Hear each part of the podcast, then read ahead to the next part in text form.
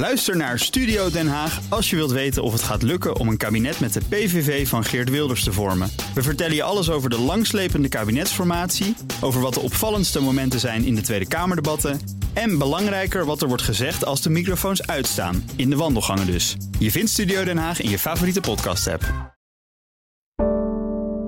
Een goedemorgen van het FD. Ik ben Paulien Swuster en het is vrijdag 6 oktober.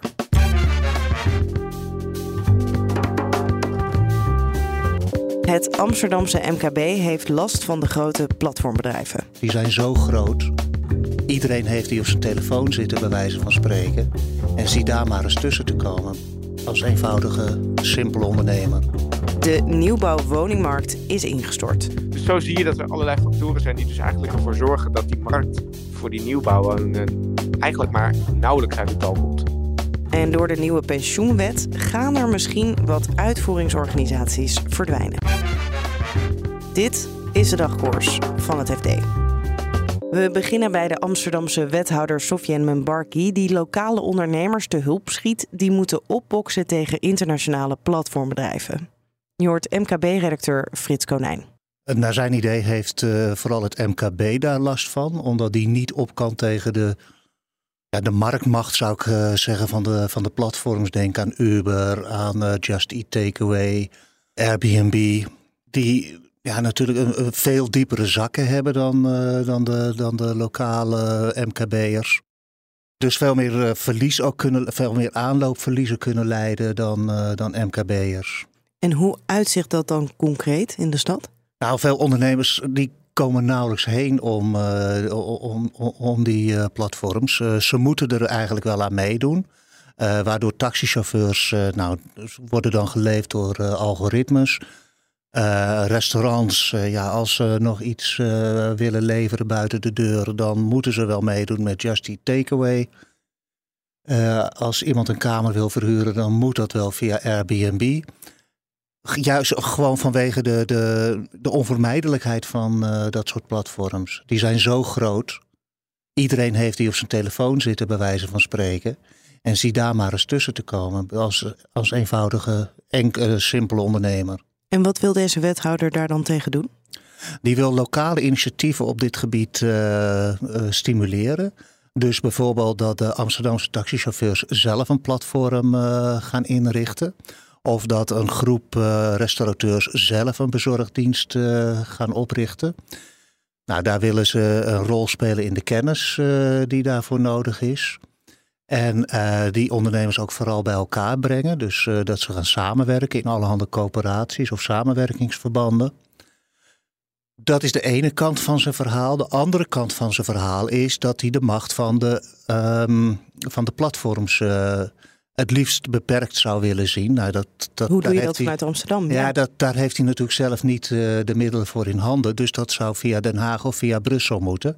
En daar willen ze ook een, uh, een lobby voor uh, beginnen richting Den Haag en Brussel. En heeft hij dan hele concrete maatregelen in gedachten? Nou, waar het in feite om gaat is dat ze meer belasting gaan betalen. Naar zijn idee betalen ze nu nauwelijks belasting en ja, en dat is dus heel ingewikkeld voor lokale uh, ondernemers om daar tegenop te concurreren, omdat die wel uh, veel belasting moeten betalen. Dus moeten die platforms, naar zijn idee, meer belasting ook gaan betalen. En bovendien wil hij ook uh, langs die weg dus geen zelfstandigheid van de medewerkers aanhangig maken en eigenlijk onmogelijk zien te maken omdat daar eigenlijk niet tegenop te concurreren valt omdat, als Omdat daarmee natuurlijk worden die werknemers goedkoper. Uh, allerhande sociale lasten hoeven niet uh, afgedragen te worden. En ook dat is natuurlijk heel lastig voor uh, lokale ondernemers die die verplichtingen wel hebben. Ja, en volgens mij wil hij ook het liefst dat de huren betaalbaarder worden, ook voor het MKB in Amsterdam. Hoe gaat hij daar dan voor zorgen? Nou, daar kan, ook daar kan hij niet zelf voor zorgen. Maar wat hij uh, van plan is om uh, de gesprekken aan te gaan. En dat is hij ook al aan het doen met, met vastgoedbedrijven. om ze te wijzen op het belang van een diverse winkelstraat bijvoorbeeld. Dus dat de, dat de huren betaalbaar blijven. Ja, en volgens hem ehm, heeft, dat al, heeft dat al successen. En dan de woningmarkt. Gisteren kwamen er cijfers over de nieuwbouwwoningen en die vielen niet mee, vertelt woningmarktredacteur Erik van Rijn. Ja, dus het, het CBS heeft uh, definitieve cijfers gepresenteerd over de nieuwbouw, de verkoop van het aantal nieuwbouwhuizen in het tweede kwartaal van dit jaar. En dat was met meer dan de helft uh, ja, ingestort, zo moet je het eigenlijk wel zeggen, uh, ten opzichte van dezelfde periode vorig jaar.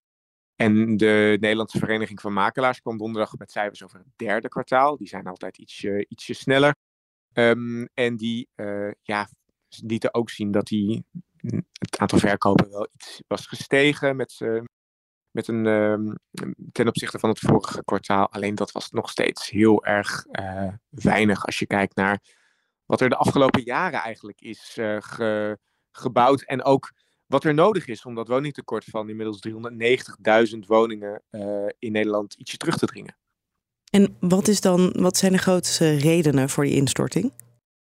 Ja, een grote reden is, uh, is toch wel die opgelopen rente. Hè? Dus we zien dat uh, sinds de oorlog in Oekraïne vorig jaar die hypotheekrente flink omhoog is gegaan. Die, die blijft nu eigenlijk zo hangen, zo rond de 4,5 procent.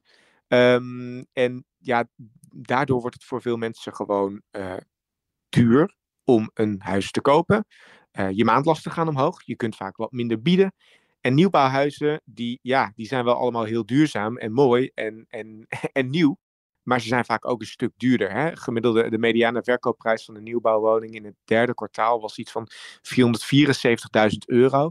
Terwijl het van een bestaand koophuis 422.000 euro was. Ook duur, maar nog altijd flink onder die uh, ja, prijs van een, uh, van een nieuwbouwwoning. Dus we hebben veel dure nieuwbouwwoningen.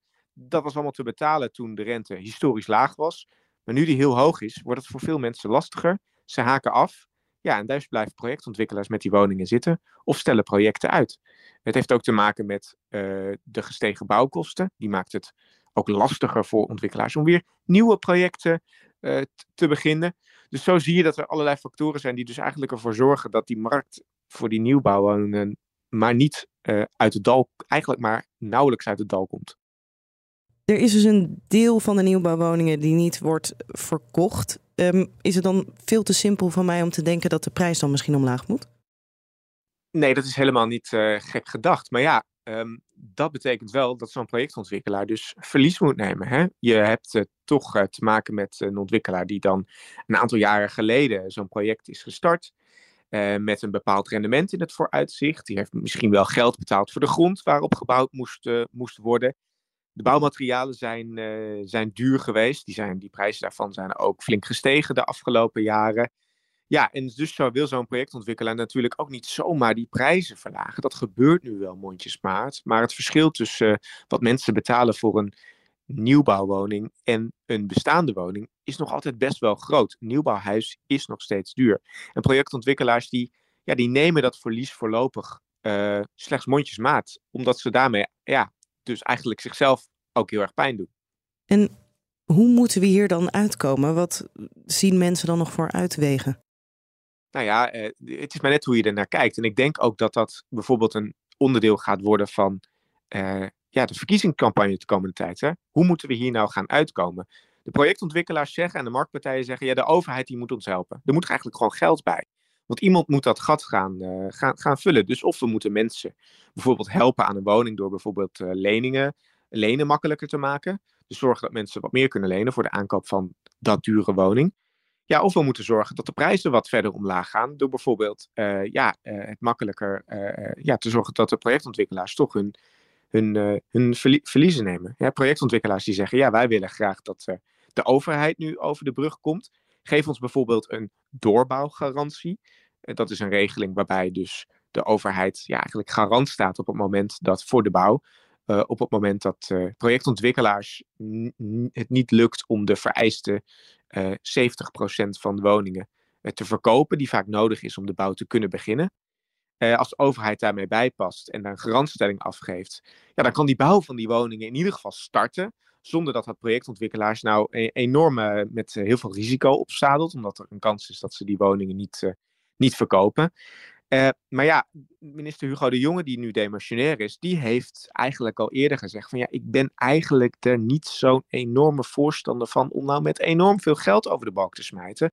Want dat betekent eigenlijk dat ik daarmee de, de, ja, de, de, de, hè, de, de ingedeelde verliezen van zulke projectontwikkelaars, uh, eigenlijk dat de belastingbetaler daarvoor moet opdraaien. En tot slot pensioenen. De nieuwe pensioenwet zorgt ervoor dat er flink moet worden geïnvesteerd in mensen en IT. En dat betekent voor uitvoeringsorganisaties hoe groter je bent, hoe beter. Heb ik het over met onze pensioenredacteur Puxi, die eerst even uitlegt wat een uitvoeringsorganisatie doet. Nou, heb je wel eens een papiertje gekregen van je pensioenfonds? Um, nou, ik moet bekennen zelf open ik die niet altijd meteen, ook al ben ik de pensioenredacteur. Maar die mails, die brieven met die vragen van, om informatie of die zeggen, nou, dit is hoe de beleggingen hebben gedaan, die worden niet gemaakt door pensioenfondsen, maar door uitvoeringsorganisaties. Het zijn vaak enorme organisaties, werken soms wel duizend mensen. En die onderhouden het contact met de achterban, die houden bij hoeveel pensioen iedereen um, hoort te krijgen. En als je nou uh, trouwt of juist gaat scheiden, dan gaan zij dat allemaal invoeren in de systemen, zodat je later de uitkering krijgt waar je recht op hebt. En wat zien we tot nu toe in die markt van uh, uitvoeringsorganisaties? Nou, het worden er steeds minder. Uh, het, op tweede grootste pensioenfonds van Nederland voor de metaalarbeiders heeft zijn contract verplaatst naar het H van het Haagse MN naar, um, naar PGGM in Zeist. Nou blijft MN wel de beleggingen doen, maar de administratie verdwijnt. Um, en dan heb je nog ABN AMRO, dat, dat stopt met zijn pension services. Um, dus je ziet dat, er, ja, dat die markt verandert.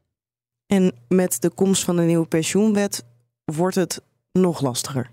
Ja, want de nieuwe pensioenwet is echt een enorme operatie. Systemen moeten op een hele andere manier worden ingericht. Moeten op een andere manier met elkaar gaan praten. En nou ja, dat doorvoeren kost heel veel geld. Uh, want je hebt mensen nodig en je hebt een nieuw IT-systeem nodig. Uh, en ja, niet elke partij kan dat dragen. Ja, dus je hebt eigenlijk een enorm groot bedrijf nodig.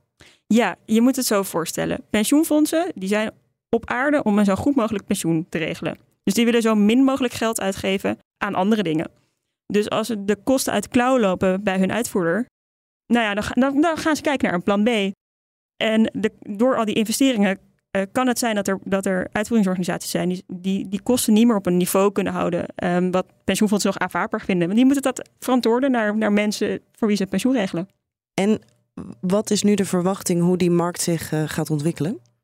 Nou, de, de topman van PGGM, um, een van de grootste pensioenuitvoerders in Nederland, die zei dat het zijn verwachting is dat er een aantal organisaties overblijven die allemaal vier tot, voor 4 tot 5 miljoen mensen, gepensioneerde werkenden, de pensioenen zullen beheren. Ja, en dan, hoeven, en dan uiteindelijk is de hoop dat wij dan iets meer pensioen overhouden, omdat die kosten iets lager zijn. Ja, maar, maar um, die kosten gaan door de nieuwe pensioenwet waarschijnlijk de komende jaren wel oplopen. Maar het idee is dat als straks alles geautomatiseerd is, die hervorming duurt tot 2028, dat dan uiteindelijk de kosten omlaag kunnen.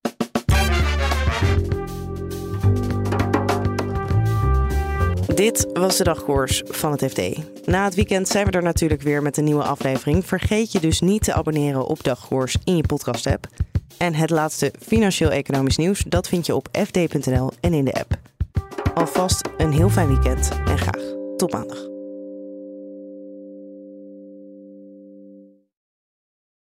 Ook Hugo Reitsma vind je in de BNR-app. Superhandig die BNR-app. Je kunt alle programma's live luisteren, breaking nieuwsmeldingen. Je blijft op de hoogte van het laatste zakelijke nieuws. En je vindt er alle BNR-podcasts, waaronder natuurlijk de belangrijkste, Boeken zijn in de wijk.